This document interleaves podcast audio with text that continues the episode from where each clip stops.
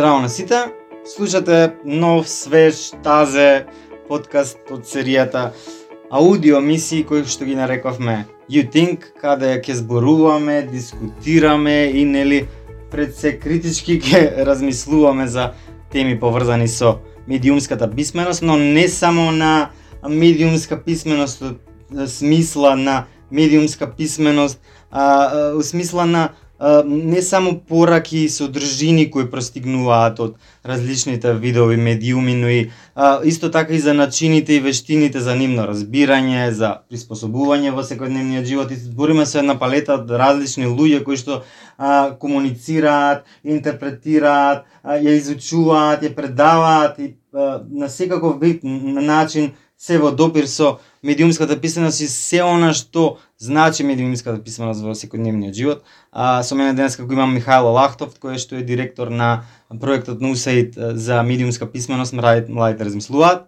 Здраво Михајло. Здраво, здраво. А, убаво што ни дојде тука е во студио. Фала што покани. А, се наместивме, малце со микрофоните, тука 10 минути чека, пуште микрофон, не работи, не работи микрофонот, мислам дека не слушате и окей, ќе видиме.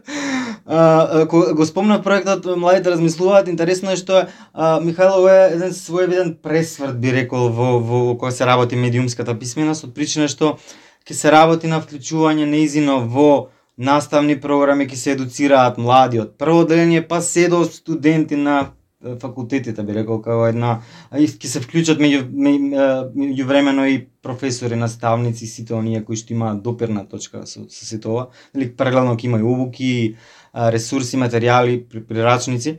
А, од една страна нели целта е да се изгради отпорност од се она што што што и самите медиуми, и самите експерти, и самите новинари ние кажуваме како дезинформации што стига до сите реципиенти, а исто време да се нели гради едно активно и оно одговорно граѓанство што викавме. А, сега Лахтов човек би рекол кој што е една од клучните фигури што во целиот овој процес влегува е движечка сила за да може да се помрднува целата работа, она што се вика се медиумска писменост. А, Лакто, веројатно не за джабе крстено ова младите размислуваат, затоа што нели веројатно за да може да зборуваме за се она што ја врзува медиумска писменост во секојдневието, нели во офлайн и во онлайн светот, ајде да, да речеме, прво мора младите да почнат да размислуваат, па после да размислуваме за ние за како да, сите тие начини, а, пракси и сето она што значи медиумска писменост да ја внесеме во еве во секојдневието, па потоа нели во а, во формалното образование. Па да, така некако. Медиумската писменост е само едно продолжување на писменоста, на генералната писменост. И сега Ние гледаме дека во последните години науката, теоријата се обидува да направи некаква диференцијација што е дигитална писменост, што е научна писменост, така натаму. Меѓутоа на едно на едно базично ниво ние треба да зборуваме генерално за писменост. Што е писменост? Иако пред години години писменоста значела способност да се чита и пишува, Во последните години писменоста значи нешто многу повеќе, е, значи начинот на кој што го разбираме тоа што го mm. читаме, слушаме, гледаме, како знаеме, е, како го препознаваме, како знаеме да го искористиме во иднина во тоа што го работиме или во начинот на кој што функционираме.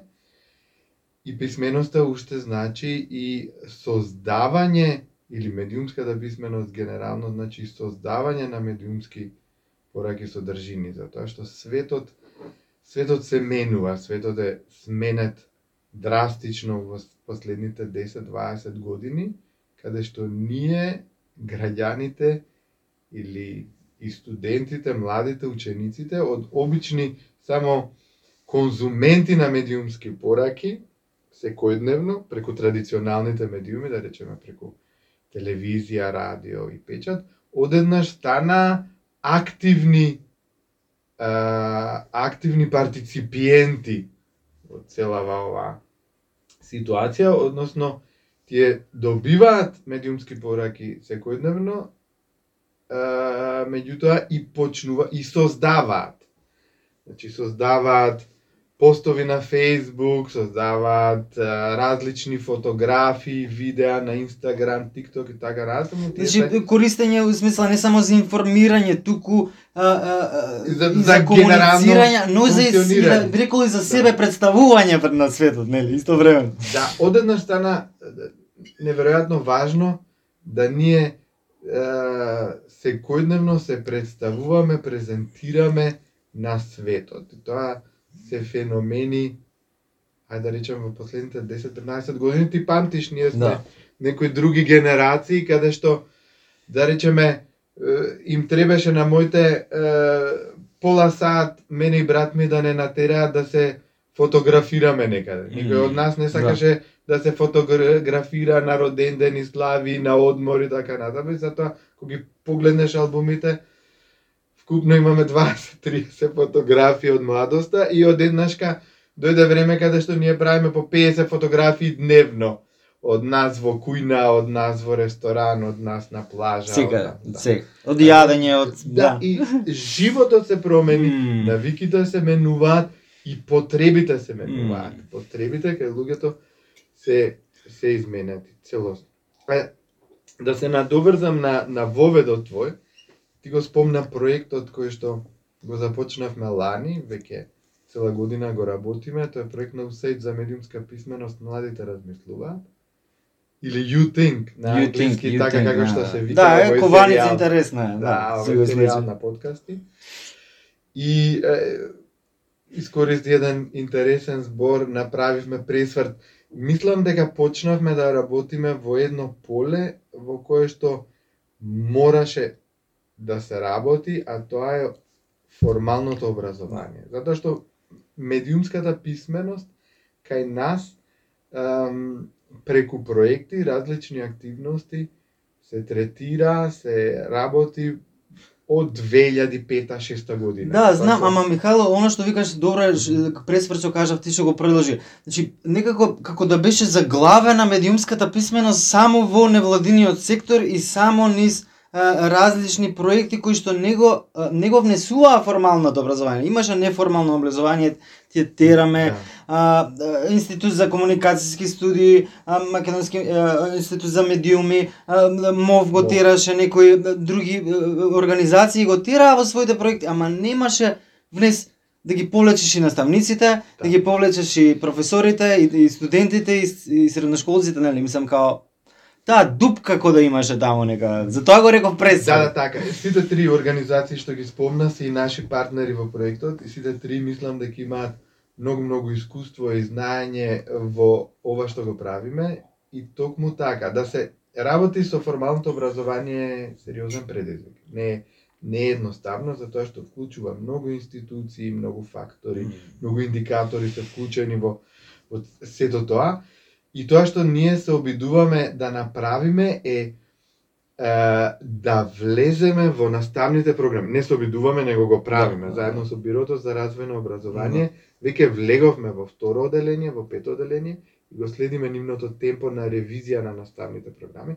Тоа што значи? Тоа значи дека учениците од сеп, 1 септември оваа година, учениците во второ оделение и во пето оделение, дел од наставната програма ќе покрива медиумска писменост, дел од нивните учебници ќе има ќе содржат лекции од медиумска писменост.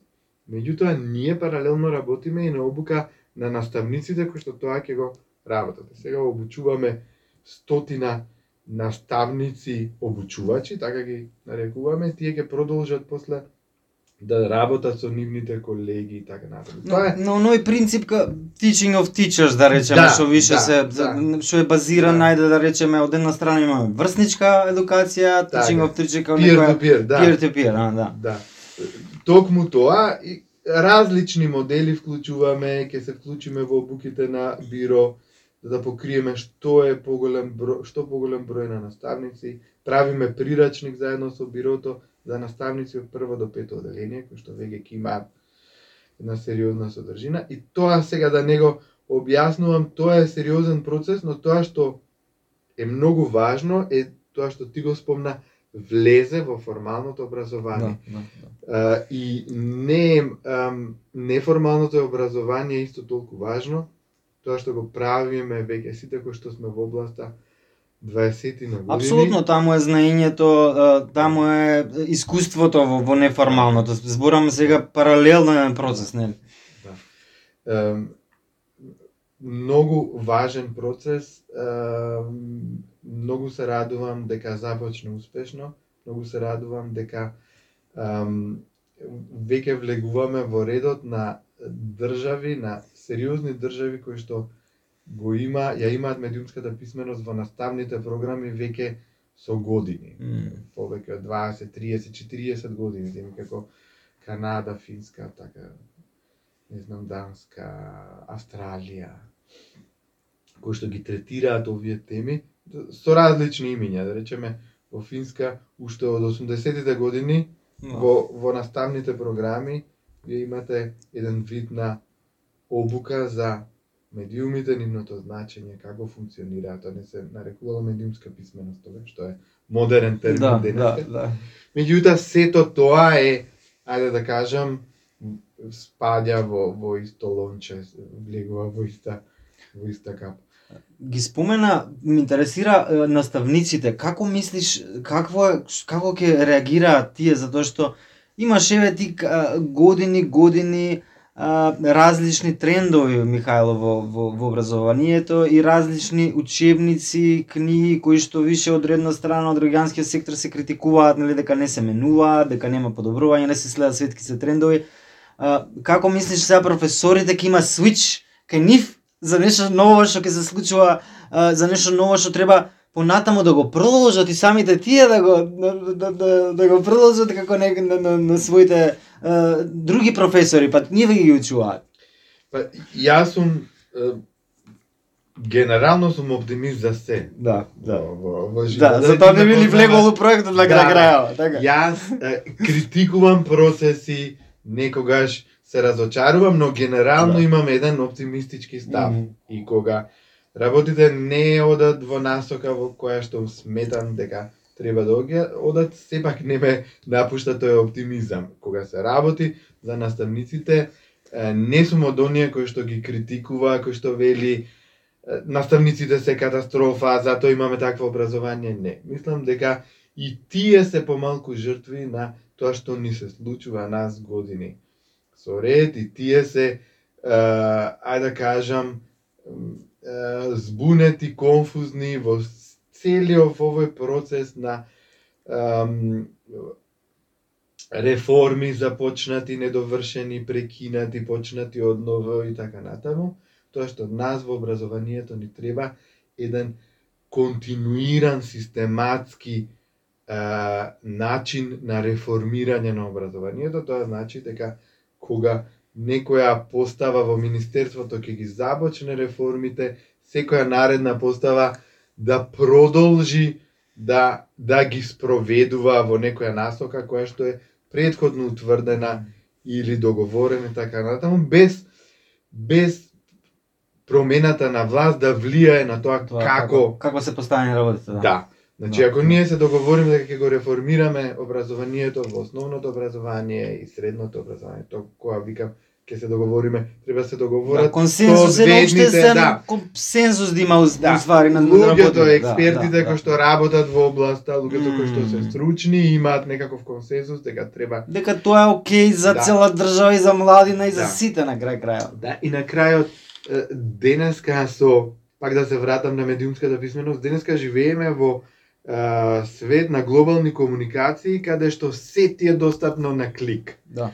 Секој ем, се што сакате да го прашате, може да го дознаете за многу кратко време. И тоа значи дека не мора да се измислува топла вода. Системи кои што функционираат, кои што одлично функционираат и кои што направиле сериозни реформи и во образованието, тука спомнувам повторно мојата тема вклучување на медиумската писменост и на такви теми, може да се искористат како основа и да се адаптираат во контекст на нашите прилики, на нашите потреби, на општеството во кое што живееме. Така, да, да. така, така изгледа тоа. И Мм. кога ние ќе договориме некаков систем и почнеме да го спроведуваме низ години, сметам дека ам, дека нема да зборуваме за никаков проблем наставниците дали ќе прифатат или така натаму. Наставниците со соодветна со соодветно образование, дополнителни обуки и така натаму, многу лесно ќе се адаптираат на системот да, кој што- да, да. кој што ќе продолжи да функционира. Така што ние веќе направивме една голема обука на повеќе од 100 наставници и фидбекот кој што го добивме од Шо нив, викаат они? Одговорот е одличен. Значи, тоа се луѓе кои што се желни да учат нови работи И себе да се тие надградуваат, да ги да, да. да, и тие потоа да ги а, применуваат или да ги пренесуваат на новите генерации. Кај тие луѓе има многу, многу ентузијасти, многу луѓе подготвени за а, желни да, да, да учат ново и желни да бидат подобри професори, подобри едукатори. Тие обуки помина одлично. Јас нема да кажам дека сум изненаден, затоа што не сум, затоа што со таа група на луѓе работам веќе со години. Јас сум работел со многу наставници, професори во средно образование, од основно образование, факултети и така натаму. Тоа се прекрасни луѓе. Луѓе кои што се одлучиле собствените знаења да ги пренесуваат на на други луѓе, на на новите генерации. М. Тоа И- само по себе си си кажува как со каков тип на луѓе. Ама ја гледаат Михало веројатно по, по широката слика, што значи што треба и кој е нивниот внес во, во целиот тој филм, во целата таа приказна за да за да даат себе, за да нели за да напрати за мнозинството да биде подобро. Ма знаеш што е битно, ова ти го кажувам, затоа што од друга страна имавме предходно отворени денови во Радио МОВ држевме каде што доаѓаат средношколци, студенти, А, сега збориме за медиумска писменост, пораки, користење на медиуми, вештини за распознавање дезинформации, така на манипулации и така натаму. И сите овие работи по големиот дел не викаат а, луѓе вие окей што ни кажувате, но кој ќе одиме на, на на средно школо и у школо, остануваат меѓу нас. Ние не с- комуницираме со професорката не не сваќа што ние збориме меѓу нас. Нема е, комуникација да продолжи Да. меѓу нив и останува меѓу нас и вие ќе ни ги кажете, ние ќе си климнеме со главата Да. и толку. Сегаш. Шаше, тоа е во суштина ем, дел од еден, сериозен процес, не не едноставен, не, нема да, нема да, тука едноставен одговор да. на на ваквиот момент. Тие е, наставници или тие е, педагошки работ, просветни работници, извини, ам, исто така треба да поминат низ е, образовни процеси кои што на тоа ќе им обрне е, ќе им обрнат внимание. Начинот на кој што комуницираат со учениците, начинот на кој што општат, што новите генерации как, како изгледаат новите генерации, како се менуваат, како тие комуницираат меѓу себе. Треба започнат да ги разбираат така натаму. Е, Сето тоа е и сега се почнува од некаде. Тоа што ние го правиме, јас секогаш и на мојот тим му, му велам. Ние нема да го кога ќе заврши нашиот проект, не можеме да кажеме дека еве сега сите наставници се медиумски м, писмени, да, сите да, ученици да, ќе бидат апсолутно, апсолутно, Не, ние- апсолутно. ние имаме една медиумска бубачка која што пробуваме да ја протнеме Да, секаде. да, Е, една една мала едно мало вирусче позитивно, Да, позитивна да, смисла да, да. вируси. На смисла не се позитивни, особено последни неколку години, ама ние се се обидуваме тоа вирусче да го прошириме што повеќе, Да. да луѓето малце почнуваат поинаку да ги гледаат работите. Во Да, тоа се работи. Нема сега медиумската писменост не е наука, не е екзактна наука. Вие не не учите сериозни работи кои што потоа е ова го научив сега ќе го многу малку има дел од вештини. Постојат вештини Да, како да, да, да. проверуваме и така натаму. Меѓутоа, генерално се состои од концепт кој што те тера да размислуваш на поинаков начин. А тој поинаков начин е критичко размислување. Тука е да, да, тука да, е споната, да, тука да, е да. поврзаноста. Што значи тоа? Критичкото размислување многу едноставно е поставување прашање.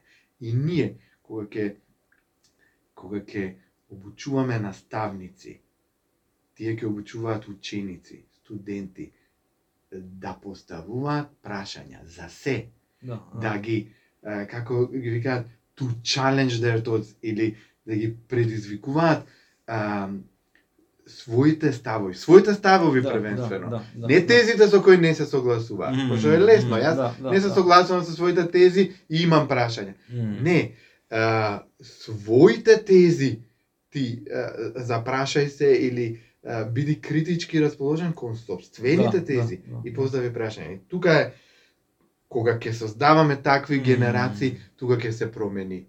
Кога вие нешто гледате на телевизијата која што ви е омилена, кај водителот кој што ви е омилен, гостинот кој што, кој што се согласувате, тука да ги поставите прашањата пред мм, себе. мм, да, и критички да размислувате. да, да, Тука се менува општеството. да. Мм. Тука е тука е моментот на демократски Ама, пресврт во едно А, општество. апсолутно, ама гледам Михајло, од друга страна, собствените тези, да, но, но имам една друга работа, нели, гледаш да си поставиш прашање, чека малце, сите така викаат. Зашо сите така викаат? Чека малце, јас што што мислам за тоа? Јас што викам за тоа? Зашто ја треба да имам мис... Чека, јас што да проверам дали е тоа така за да за да д- добијам прен ја мислење некаква да Така. теза и после да си ја проверам понатаму таа моја се Да. теза, нели? Да имам некој систем за и да проверка и на моето. Така? Дефинитивно. Има а, во а, ние развивме една методологија која се вика учиме да распознаваме или learn to discern. Да. Таа е развиена од IREX, организацијата која што го спроведува овој цел проект и е развиена некаде пред речиси десетина години, негде 2012-13 година а, и се спроведува во повеќе од 20 земји. Вклучително и Македонија, ние се раководиме со, со таа методологија. И таа развива различни концепти, меѓу другото, во македонската верзија, таа која што ние адаптиравме, вклучивме неколку принципи кои што јас сметав дека се многу многу важни и треба да влезат во тој концепт. А тоа е како прво да се биде скептичен.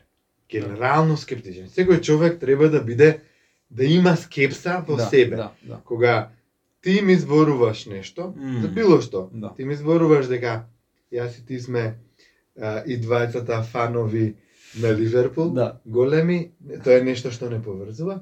Меѓутоа ти кога ќе ми кажеш а, еве Ливерпул се подготвува, ќе го купи овој играч, автоматски кај мене да се развие една скепса да јас ги проверам тие информации. Јас тебе ти верувам, Да, да, да. меѓутоа имам скепса кон се, се додека не го проверам. Особено работите Да, кои што да, се да. важни за мене или работите кои што ме интересираат. И сега, вториот принцип е скептични кон се, но не подеднакво скептични. Да. Тоа значи не подеднакво не можам јас на исти кантар да ги ставам ам, се фативме за Ливерпул. Мм, мм. Оние петпарачки а, портали кои што ловат кликови, Да, да, кои да, што да, да, да. ќе пишуваат Мм. трансфер за ова, Да, трансфер да, за да, она. да, да.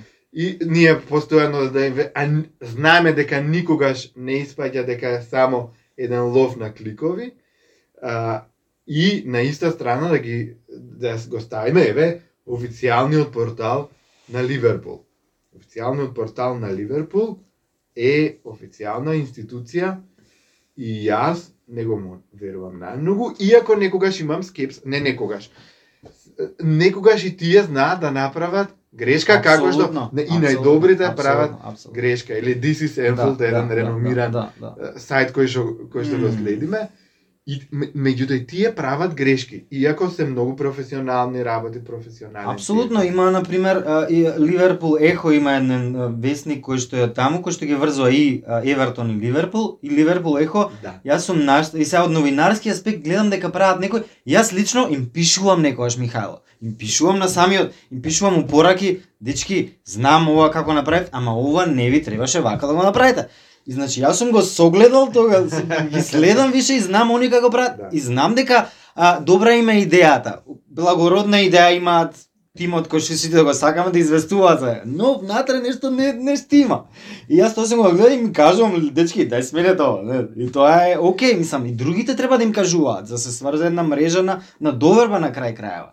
Не, Фидбек да има меѓу Така е. читатели, знаеш, критички осврди има, тука се создава нели подобро подобар медиум така се создава на крај крајава. Е сега, како трет принцип, затоа што се фатив со Ливерпул со фудбалот, трет принцип е многу важен, е излегување од своите комфорт зони или од своите ехо комори, ги нарекуваат, или уште еден термин, од својот бабел или од својот мер на сапуница, затоа Да. што сите ние си живееме во собствени меури. И не сме ни свесни некогаш дека живееме околу тоа. Нели?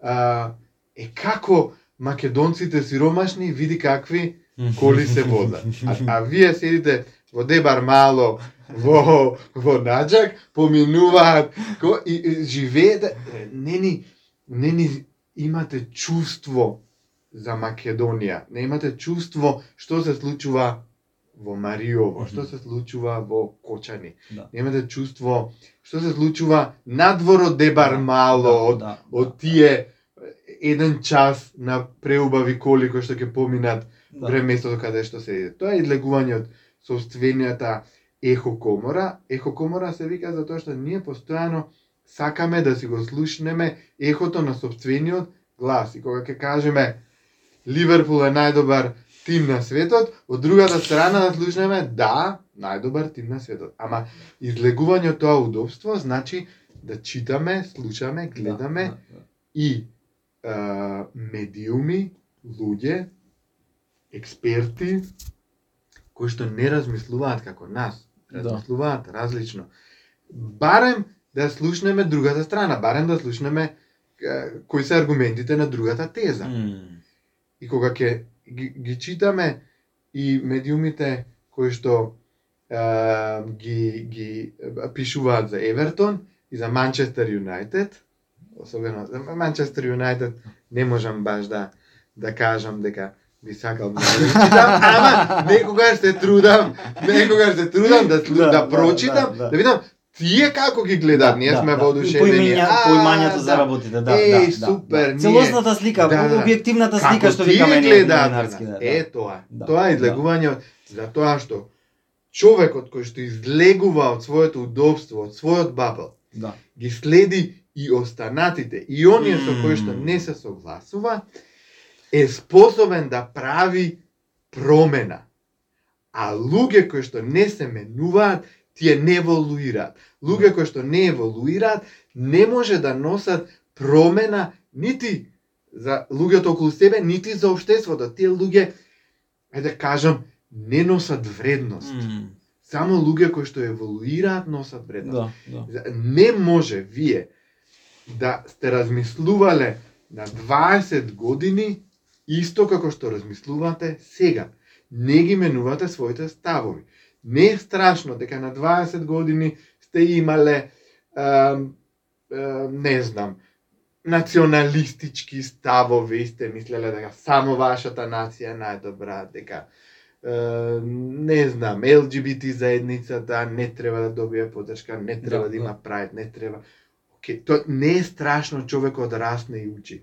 Страшно е ако после 30 години вие сте се задржале со истите тие ставови дека не се движите, дека не сакате да погледнете дека постојат луѓе кои функционираат и размислуваат М, малку да, поинаку да, од вас. Да, да. И да. тие луѓе имаат исто право како вас да Апсолутно. функционираат во системот, да ги добијат истите удобства кои што вие ги добивате или истите работи кои од системот и така натаму. Тоа е А, е, спомна еволуција, интересно, спомна и го спомна и Ирекс. А, а, Ирекс читав на сега пред некој предходната нале пред предходната баш некои записи од Ирекс кои доаѓа, кои што зборува баш за таа еволуција и на самите медиуми и сваќањето за, за самите медиуми, што значи медиуми и она класичните медиуми, нели, а, што, порано еве да речеме, самите А, на времето медиум поимавме, нели, телевизија, печат. А, денеска зборуваме и за онлайн медиуми, за портали, за социјални мрежи, за блогирање и јутубирање, на крај крајва каде што крај крајва се пренесуваат некакви информации и пораки. А, треба ли, сега моето прашање медиум до тебе да го разбираме само оној простор каде што имаат удел професионалната медиумска заедница или пак сите оние заедници кои што нашле некоја своја платформа за да комуницираат, се договараат, да добиваат некаква, да се хранат со некакви информации преку од популарната култура или алтернативни видеови, медиуми, whatever, нели, при масовна комуникација. Тука како треба медиумите да еволуираат и како медиумската писменост наоѓа своја примена во, во, во сета ова еволуција на, на, на менување на Ајде, медиумите. Да, да, почнам од Од другата страна. од позади, Од да. позади.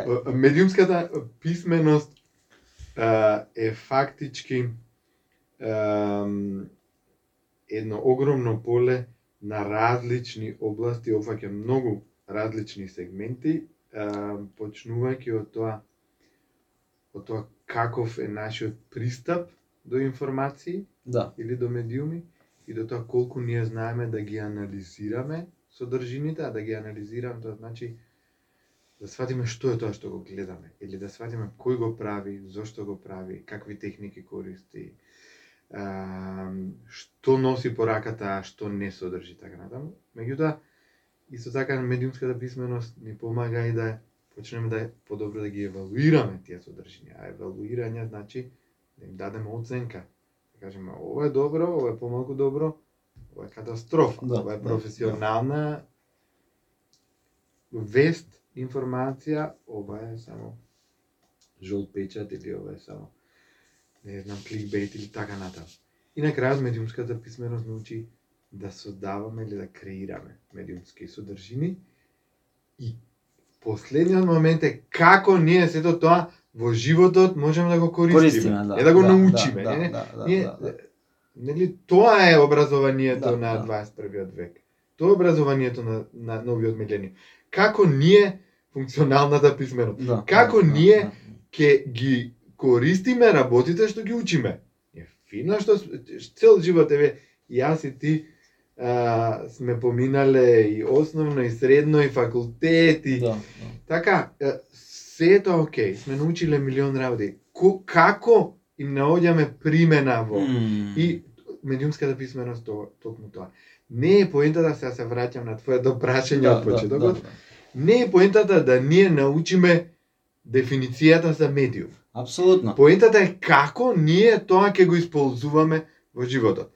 А според мене, сега конкретно, за да не бе- избегам од прашањето, јас дефиниции не сакам многу, меѓутоа сакам кога на почетокот ги разграничуваме работите Да, и да, знаеме за што зборуваме.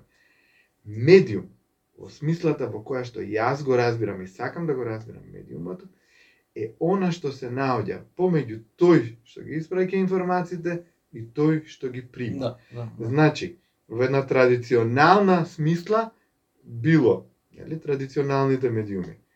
Преку телевизорот, телевизорот е медиум, Да, ама некој преку него ја испраќа информацијата, а ние како гледачи ја добиваме и во таа традиционална смисла. И сите традиционални медиуми, и весниците, и радиото, и телевизијата, ја има таа еднонасочност. да. А еднонасочноста значи дека јас како оној кој што се наоѓа на на оваа страна на приматели, тој Да, што да, прима, Да, што прима. единствено начинот за фидбек или начинот да одговори, начинот да да го каже своето мислење му е сведен на ајде да не кажеме нула, него на 1%. Тоа значи дека ако читате вестник и не се сложувате со зборувам на времето, и не сте се сложувале со тоа што е напишано или со колумната на некој, вие сте можеле да напишете писмо, да го пратите во вестникот, тоа татко ме го правеше. Дедо ми особено, Да. редовно да, го да. правеше, им Да, пишуваше да, да. писма кои што никогаш не ги објавува, затоа што стигнува 500 писма, они објавува едно, две на некој реномиран универзитетски ама, професор. ли, ама лимитиран беше Ете, местото во, во вестниците, така? Да. Кога гледавте вести на телевизија, та- кога ќе се изнервираше дедо ми, или ќе го фрлеше далинското, далечинскиот управувач, да бидам, еве. Е, Јас сум македонист по вокација и сите колеги ми замеруваат кога користам многу Добро. е, жаргон, а кога можеше тоа дедо ми да да да опцуе, да смени канал не можеше затоа што постоја МТВ1 и евентуално после МТВ2 немаше многу можност за за да го каже своето Да, мислење. да, Е, тоа што ги разликува денешните медиуми, зборувам за новите дигиталните медиуми, е повеќе насочноста, затоа што тие, кога некој испраќа порака преку тој медиум, може да биде и Facebook, може да биде портал, може да биде YouTube, може да биде што сака, Блог, Јас, да. таа да, информација или таа ме- порака, медиумска порака стигнува до мене, ја во истиот момент има милион начини како да одговорам на тоа, како да го кажам своето мислење, како да испратам Мгм. своја собствена медиумска порака и во истиот момент јас станувам испраќач. Мгм. Па тој станува ме разбираш Да, колку да, е таа Да, да, да. колку е тој сложен процес. Е сега, ние од пасивни приматели на информации, одеднашка цк станавме тие кои што учествуваат, активно учествуваат Да, во целиот да, процес. Да, да. Новите генерации нема да име проблем затоа што тие а, се digital natives Да, или да, родени да, во време да, да. кога веќе све постоело дигитално, меѓутоа генерациите и наши, а особено нашите родители, се најдоа во небрано. Па така, а, а, чичко ми, место да му напише порака на, на, на братучет му во месенџер, ке му напише на статус ѓубре едно, зашто не се јавува. Па си да, ме, ме разбира, Да, да, и да, јас да. не им за мене ми е смешно, Да, да. и мене ми е интересно, Да, да, ами ја разбирам нивниот нивниот проблем, да. си одеднаш, одеднаш се наоѓаш во една ситуација во која што не си комфорен, не си удобен, треба да учиш. да. Луѓето како поминуваат годините, се помалку сакаат да учат нови работи, се помалку се подготвени. Ама, знаеш, интересно спомна сега во, во јавен простор, од друга страна, нели сите разговараме послободни сме во комуникација во целиот тој јавен, медиумски, социјален простор, нели? Но интересно е, а, тука дали доаѓаме до, до, до, до ситуација кога еве сите имаме можност да, да бидеме да зборуваме и некогаш дури може би се се се криеме во, во, во целата таа наша комфорт зона за да скажуваме се од дома, нели? И таа тука може би треба да збориме и за одговорноста која што медиумската писменост ја има како дел од од а, а, а, како како еден посебен дел да да да, да посочи на одговорноста на сите више кога имаме таа можност да комуницираме, дека не сме во паралелен универзум, дека ако сме за тастатура, па можеме и да пцуеме, а, можеме и да се закануваме некој, да претеруваме она што ни е дадено, нели, како како зона, дека не живееме ние во паралелен свет, тука сме нели за тастатура, па можеме да бидеме кои сакаме и никој не не гледа, а сите не гледа. Да, да, токму, токму тоа. Тоа е тука е тука е друг интересен аспект. За, зато, затоа го спомнав, дека нов, новото време, новите Да. предизвици и новите навики значат дека како што кажав предходно, дека одеднаш и ние сме активни учесници. И како активни учесници одеднаш добиваме многу можности. Значи, ако се организира протест за чист воздух, Да. Порано единствени алатки ни беа традиционалните медиуми, ако тие не објават сообштение Мм. или по никој нема да дознае, многу е тешко да денеска има ја имаме го имаме тој луксус да со помош на социјалните мрежи преку Твитер, преку Да, Facebook, да. ние информираме огромен број на луѓе за некаква активност, за позитивни работи, за тоа што го правиме. Да. Меѓутоа, од друга страна, ја имаме и одговорноста за тоа како се однесуваме и што правиме. Да. Тоа значи дека ако ние постојано ламентираме лажни вести, лажни вести, Мм. се е пуно со лажни вести, господо, драги другари и другарки, се е пуно лажни Да, да, вести и поради тоа што и ние самите ги шириме. Да, Затоа што немаме критички а, однос кон нив, не ги проверуваме, него автоматски стиснуваме шер. Шер, на тој да, начин да, се да, шират. да, Нема други начини на кои што се- Ма, веројатно Михајло, секој секој што е дел што учествува во тој социјален, комуниколошки, отворен, јавен простор, а, мора да знае дека секој еден негов збор таму некаде прави она што се вика butterfly ефект, домино Да, ефект, па да. некаде менува нешто, некаде некоја случка настан, нечие поимање за некоја случка на крај крајава, така? Ке, ке го кажам во, збо, во, во бројки. Денешните е, весници кои што има сериозна улога низ години, ама денеска има тиражи, еве да кажеме, 2, 3, 5 илјади Да. примероци. Ке ги прочитаат 5000 луѓе во, во, во, во печатена форма. Додека некој инфлуенсер Да. може да има 100.000, 200.000, зборувам кај нас, луѓе кои што кои што се многу важни и се е, в- влијаат на на на донесувањето, на, влијаат на мислењето на луѓето и ти имат по 100.000, 200.000 следбеници и кога ќе напишат нешто, ќе ги прочитаат, ќе ги прочити многу сериозна бројка на луѓе. И самото тоа ни кажува дека ние, нас некој не следи, нас некој не чита. И ако ние викнеме а, гори театарот, нели, во она Да, да. либертаријанска смисла гори, гори театарот, тоа, како што велиш ти, ќе има butterfly ефект. Мм. Тоа може да да предизвика да е ни влезе едно маче, Маче не влезе. Да, кој е гостинот, ама мачето си влезе и ќе слуша сега Сега за да слушаш да. Да. Е, тоа може да има сериозни последици. Затоа треба да разбереме дека и ние сега сме во процесот и секоја наша активност, дали е на Facebook, дали е на Instagram, м, си носи своји последици или носи свое бреме, своја тежина си има. Тоа е тоа е аспектот. И затоа ние дел од тоа што ние Да, го да, да. зборуваме share be, uh, care before you share или uh, внимавај пред да споделиш. Размисли пред да, да. споделиш нешто. Провери го. Има не, луѓето доволно Значи е само немој да стискаш Маче на копчиња миксета таму, да нема на стиснеш. миксета. Да. Убаво ќе биде ова, што го гледаме ние да го видат и другите гледкава. Секој отиде Мачка на додому. миксета. Тоа е шаше.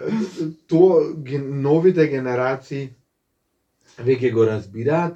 Тоа што вие сте го напишале на Facebook не значи дека е тоа ваш приватен простор и може да напишете се. Тоа е медиум како и сите други пренесува известни пораки. Разликата ја правиме затоа што ти така го почна целиот муабет, разликата ја правиме меѓу тоа што е новинарство, а што не е. Статусот на Facebook не е новинарство. Да. А, ниту ниту а, текстот на трте мрте ком кој што вели погледнете што се случило, нема да верувате, ниту тоа не е новинарство, иако може би тртемрте.мк се смета за некој медиум, не постои, јас да го Да, искористив да, во да, да. а, во смисла да да направам шега за за типот на медиуми портали кои што кои што не преплавија низ годините.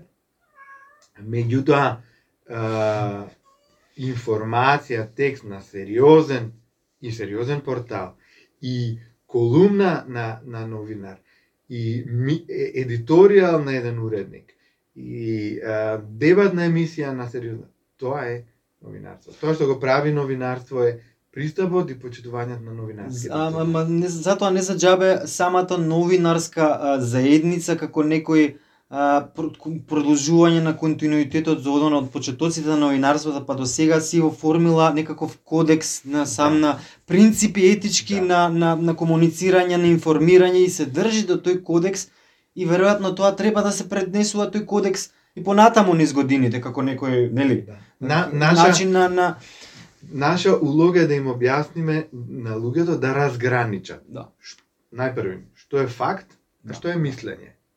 Апсолутно. А, и, и новинарите имаат право на своето мислење и тоа го кажуваат во своите колумни, во своите емисии, Да, мислење да. така натаму, многу разграничуваат од тоа што е новинарска вест или што е нешто што е факт. Да, но она, она што го кажуваш, само извини што ќе те прекинам. Значи, буквално, она што го пишува на Facebook, тоа не го дефинира него како новинар, туку неговиот новинарски производ кој што е дел од медиумот, кој што се држи до конексот на новинарите. Да. Тоа е тоа мнозинството граѓани, ние и на младите, тоа им го објаснуваме да го разграничат. Да знаат, да речат, Да, иако, иако секоја индивидуа да, посебно не може да се абстрахира од апсолутно, својата да. Позиција во општеството. Мгм, Да. Значи јас ако сум новинар, не можам на Facebook да напишам а, новинарството е катастрофа, не читајте ништо пошто новинарството е глупост. Да, да. И после да кажам, ама тоа е моје мислење, јас се абстрахирам. Значи си го носите вие бремето на вашата позиција, одговорноста е и ти тоа што го работиш и јас тоа што не може еден доктор кој што а, да излезе во јавноста и да каже немојте да се вакцинирате. Без разлика, може би тоа е неговото мислење, меѓутоа фелата а, има консензус дека Да, вакцините се потребни да. не само за ковид, зборувам генерално, Да. постои тој консензус кај неговата фела и вие ако сте дел од таа фела не можете да кажете е ама јас на Facebook ќе си го напишам свој не вие како доктор Мм, да. се представувате и себе си и фелата и луѓето ве следат затоа што сте експерт и затоа што сте доктор. И тоа тоа се некои работи ем, ги земав докторите, ама во, во принцип е во принцип се работи за за истото. Да, вие имате право на свое мислење, меѓутоа имајте предвид дека имате и позиција во општеството и таа си носи своја тежина. О, нешто на уште на крајот ќе те прашам, сега зборавме, навлеговме во а, етичкиот аспект на, на, на, на работите, нели? А, има интересно едно што дискусии ги водиме често со е, Радио и со средношколци и с- студенти, затоа што они викаат, чекате вие цело време ни вие викате етика, етика, етика. Од една страна кога да ни правите некаков притисок. Е сега работата моето прашање.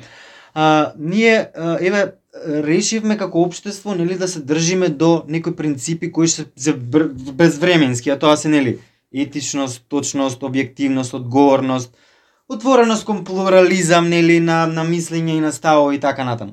Од друга страна имаме како да ги задржиме овие принципи, да ги одржуваме оние етички механизми, а да не се создаде отпор кон младите дека нешто им одземаме ние од од нивниот ка, начин на комуницирање и на на на на нова, затоа што они викаат, очека вие цело време ни викате, притисок ни сварат. Дали е тоа притисок и до кај е притисокот да кажам? Тоа е моето прашање затоа што и јас се наоѓам некаде ситуација да им кажам, луѓе, ама тоа се принципи кои што како консензус што рековме сите до сега сме ги префатиле. Сегаш. И сега тука е моето прашање дали одиме превише некаде, прејако со нив или не. Тоа е моето да. прашање што ме сваѓаш што Да. сакам да ти кажам. Што Те е сваќам да уште од мал или ајде да кажам на училиште многу ме интересираат теми предметите како филозофија, и психологија и така натаму. Затоа што е, разработуваат е, теми кои што сите денеска многу ми е интересно тоа дека се помалку разговараме, зборуваме за теми за кои што порано сме зборувале многу. Например, кој е значењето на животот, а, моралноста, етичноста и така натаму. Зошто сме на овој свет? И, да. Нели, ти текнува порано колку такви дискусии Многу. И правевме, седење у читавме. мало и да. мало седење на И- клупи можевме цела вечер да Да, збориме. да дискутираме. Денеска не дискутираме за тие И теми. зборевме, денеска- например, дали е тоа така и секој има мислење А сега имаш можност, на пример, чека, ако не е така, чека Википедија ќе отворам, да, дали е тоа така. да, да, денеска, денеска сме преокупирани од тоа, да, што некој друг кажал за тоа и како немаме не не си го оптеретуваме мозокот со такви теми. А порано многу размислуваме околу тоа што е етично и што и кој одлучува околу тоа што е морално, а што не. И дали имаме сите некаков чип и јас сметам дека нашиот воспитен и образован процес нас не се вградува некаков чип кој што Мм. умее да препознае што е добро и што е лошо, меѓутоа од кога постои светот, постои таа тој тој конфликт меѓу доброто и лошото и нели во целата холивудска продукција на крајот ќе победи доброто. Колку и да е лошото, силно и моќно на крајот ќе победи доброто и све е тоа окей. Меѓутоа, дали ние секогаш знаеме да го препознаеме доброто или лошото? Тоа е едното прашање. А второ е, дали секогаш можеме да се спротиставиме на лошото? Нам не останува, ти тоа што го кажуваш, младите генерации, а, притисокот кој што им го правиме и јас сметам дека и кај нив најважно е да ние уште од најмала возраст им го вградуваме чипот. Мм, Да оставиме тие да одлучат потоа, ама со вграден чип, Да, да, да. да, да, одлучат што е за нив етички, а што не. Да. И тоа е, еве, ќе завршиме во, во тој концепт. Ем, идентитетот на методологијата која што ние применуваме во проект е токму во тоа да ние не им кажуваме на луѓето што да читаат, туку како, Како да го читаат. читаат? Да научат тоа што го гледаат, читаат или слушаат, да го разберат. Не им се мешаме во нивниот избор на медиуми или не им се мешаме во нивниот избор на извори на информации. Токму тоа треба го правиме со младите.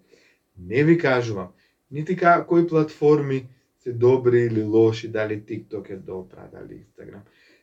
Ви го вградуваме чипот кој што ќе ви помогне утре да разликувате што е правилно, а што не, што е добро, што е лошо, што е етички, а што не, а вие самите кога Да. го знаете тоа, пошто кога човек го знае, знае дека е тоа лошо, многу му е потешко Мм. да го направи.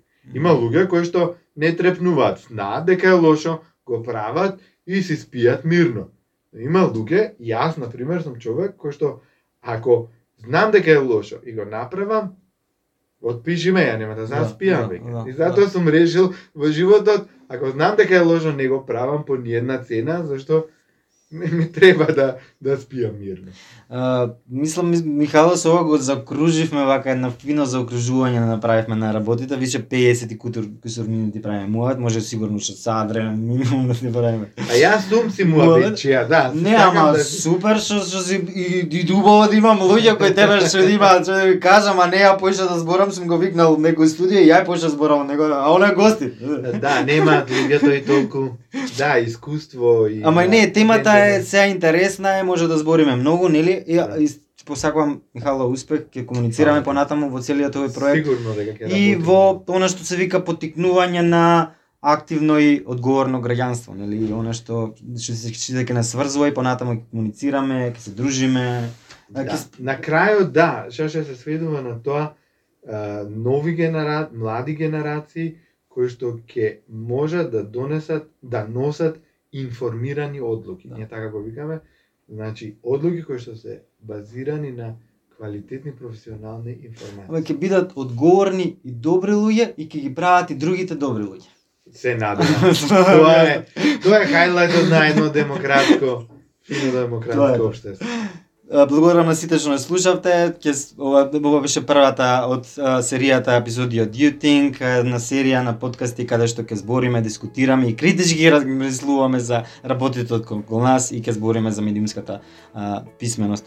Благодарам на сите што не слуша, слушате понатаму Радио Мофи, слушате понатаму и сите подкасти содржини што ги, ги спремаме за вас. Чао, чао.